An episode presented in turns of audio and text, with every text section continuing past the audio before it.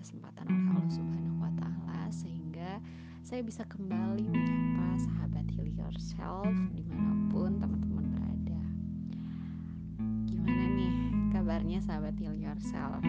Mudah-mudahan semuanya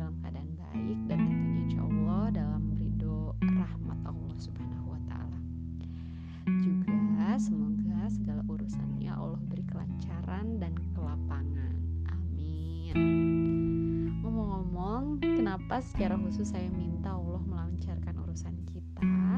Karena ketika urusan kita mendapat hambatan, sering kali itu bikin uh, ujiannya tuh jadi cukup berat untuk ditaklukkan. Iya nggak sih? Pastinya sahabat heal yourself juga pernah dong ngalamin saat di mana ada kesempatan bagus di depan mata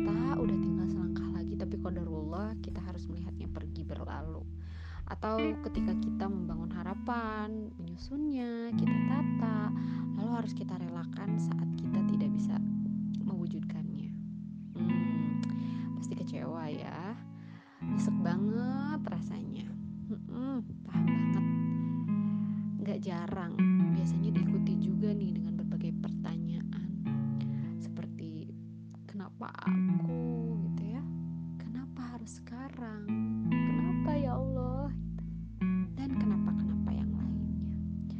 logika seakan terus minta untuk dipuaskan. Kita terus mencari alasan mencari pembenaran bahkan kita cari objek untuk disalahkan. Nggak ada habisnya. Astagfirullah. Oh iya, ngomong-ngomong pada episode kali ini Insya Allah saya akan membawakan tema Bagaimana mengelola, mengelola diri saat kecewa datang kepada kita. Stay tune ya teman-teman Nah, kecewa itu sebetulnya apa sih? Jangan-jangan kita udah sering sebut gitu ya Tapi ternyata kita nggak tahu apa itu kecewa kalau kata KBBI, kecewa diartikan tidak puas karena tidak terkabul keinginannya, harapannya, dan sebagainya. Secara psikologis, kecewa ini tergolong pada emosi yang kompleks yang dirasakan ketika individu sesuai dengan realitas yang terjadi. Ada kesenjangan antara harapan dan kenyataan. Kayak tadi disinggung di awal, kebayangkan kita udah lihat kesempatan bagus nih. Tinggal selangkah lagi, tapi Allah memberi ketetapan yang berbeda dengan yang kita harapkan. Kecewa ini bisa kita rasakan terhadap orang lain,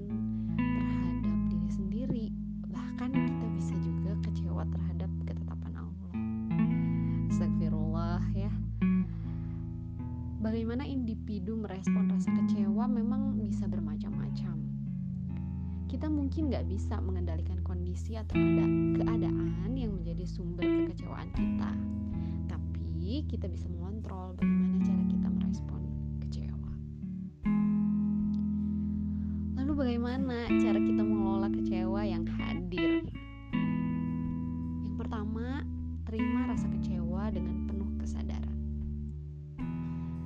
alih-alih menahan, mengabaikan, menolak, atau pura-pura baik-baik saja, sebaiknya rasa kecewa kita terima sebagai perasaan yang memang sedang hadir dan sedang kita rasakan. Ya, saya paham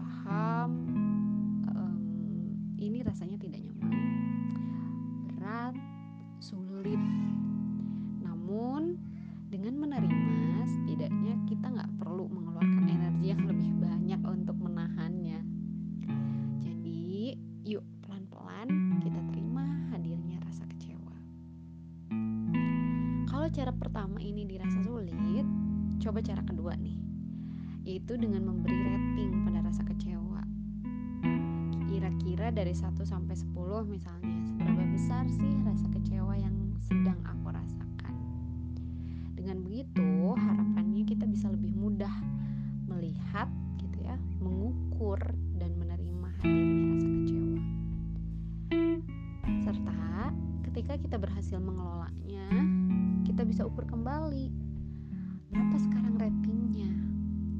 seberapa besar turunnya. Nah, seberapapun rating tersebut turun, itulah yang perlu kita hargai dan juga syukuri. Yang kedua, yang selanjutnya, identifikasi apa yang membuat kita kecewa. Lalu, ubah sudut pandang kecewa menjadi sudut pandang yang berbeda. Misalnya, yang membuat kita merasa kecewa itu adalah karena kita merasa gagal mendapatkan apa yang diinginkan. Lalu kita ubah. Jadi, misalnya, hmm, ya kita mungkin memang gagal, tapi kita belajar sesuatu dari kegagalan. Selalu ada sisi positif di balik suatu ujian. Selain itu, lakukan evaluasi terhadap harapan yang kita tetapkan tadi. Tentunya harapan yang ingin dicapai menjadi salah satu faktor yang menyebabkan rasa kecewa ketika harapan tidak sesuai dengan kenyataan. Pastikan harapan yang diinginkan adalah hal yang masuk akal dan memungkinkan untuk diupayakan tentunya. Jika tidak, sebaiknya ubah harapan yang diinginkan agar gap atau kesenjangan antara bisa juga dengan meningkatkan usaha agar kenyataan bisa semakin mendekati harapan. Nah, cara selanjutnya jadikan kecewa sebagai motivasi. Ketika kita merasa kecewa, biasanya kita jadi takut kan untuk berekspektasi karena nggak mau kecewa lagi. Rasa takut ini bisa kita jadikan motivasi supaya kita justru bisa lebih baik lagi dan minim kecewa di kesempatan selanjutnya. Setuju? Terakhir, jadikan syukur sebagai obat. Syukur ini memang bisa jadi obat di segala permasalahan. Iya enggak? Tidak ada salahnya menghitung betapa banyak nikmat yang sudah Allah kasih untuk kita saat kita merasa kecewa. Begitu, akan membantu hati kita menjadi lebih lapang dan tidak terlarut dalam kekecewaan.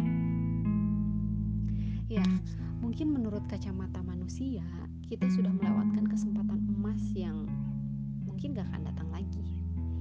Kita menilai hal buruk sedang menimpa kita, sehingga kita merasa kecewa. Tapi Allah tuh berbeda sama kita Allah tuh maha mengetahui Allah tahu betul kapasitas kita Allah tahu betul apa yang ada di depan kita Allah tahu yang terbaik untuk kita sedangkan kita tidak tahu apa-apa maka ketika Allah tetapkan sesuatu bukan untuk kita boleh jadi Allah tahu kita belum siap boleh jadi itu tidak tepat untuk kita. Mungkin justru Allah sedang menyelamatkan kita dari bahaya. Allah tahu di depan masih banyak kesempatan lain menanti kita. Allah punya rencana lain. Atau Allah sedang ingin melihat sikap penghambaan kita aja kali. Bagaimana kita tunduk, patuh pada ketetapan yang sudah Allah tetapkan. Tentunya Allah juga akan siapkan hadiah terbaiknya untuk kita. Semoga kita bisa melihat kecewa ini sebagai bumbu yang mewarnai perjalanan kita sejatinya dunia ini tempat hamba mendapatkan ujian. Ujian ketika harapan tidak bisa jadi kenyataan atau justru ujiannya ketika harapannya sedang Allah wujudkan jadi nyata. Itu juga sama-sama ujian kan? apa pun bentuk ujiannya, semoga kita semua bisa menjawab ujian kita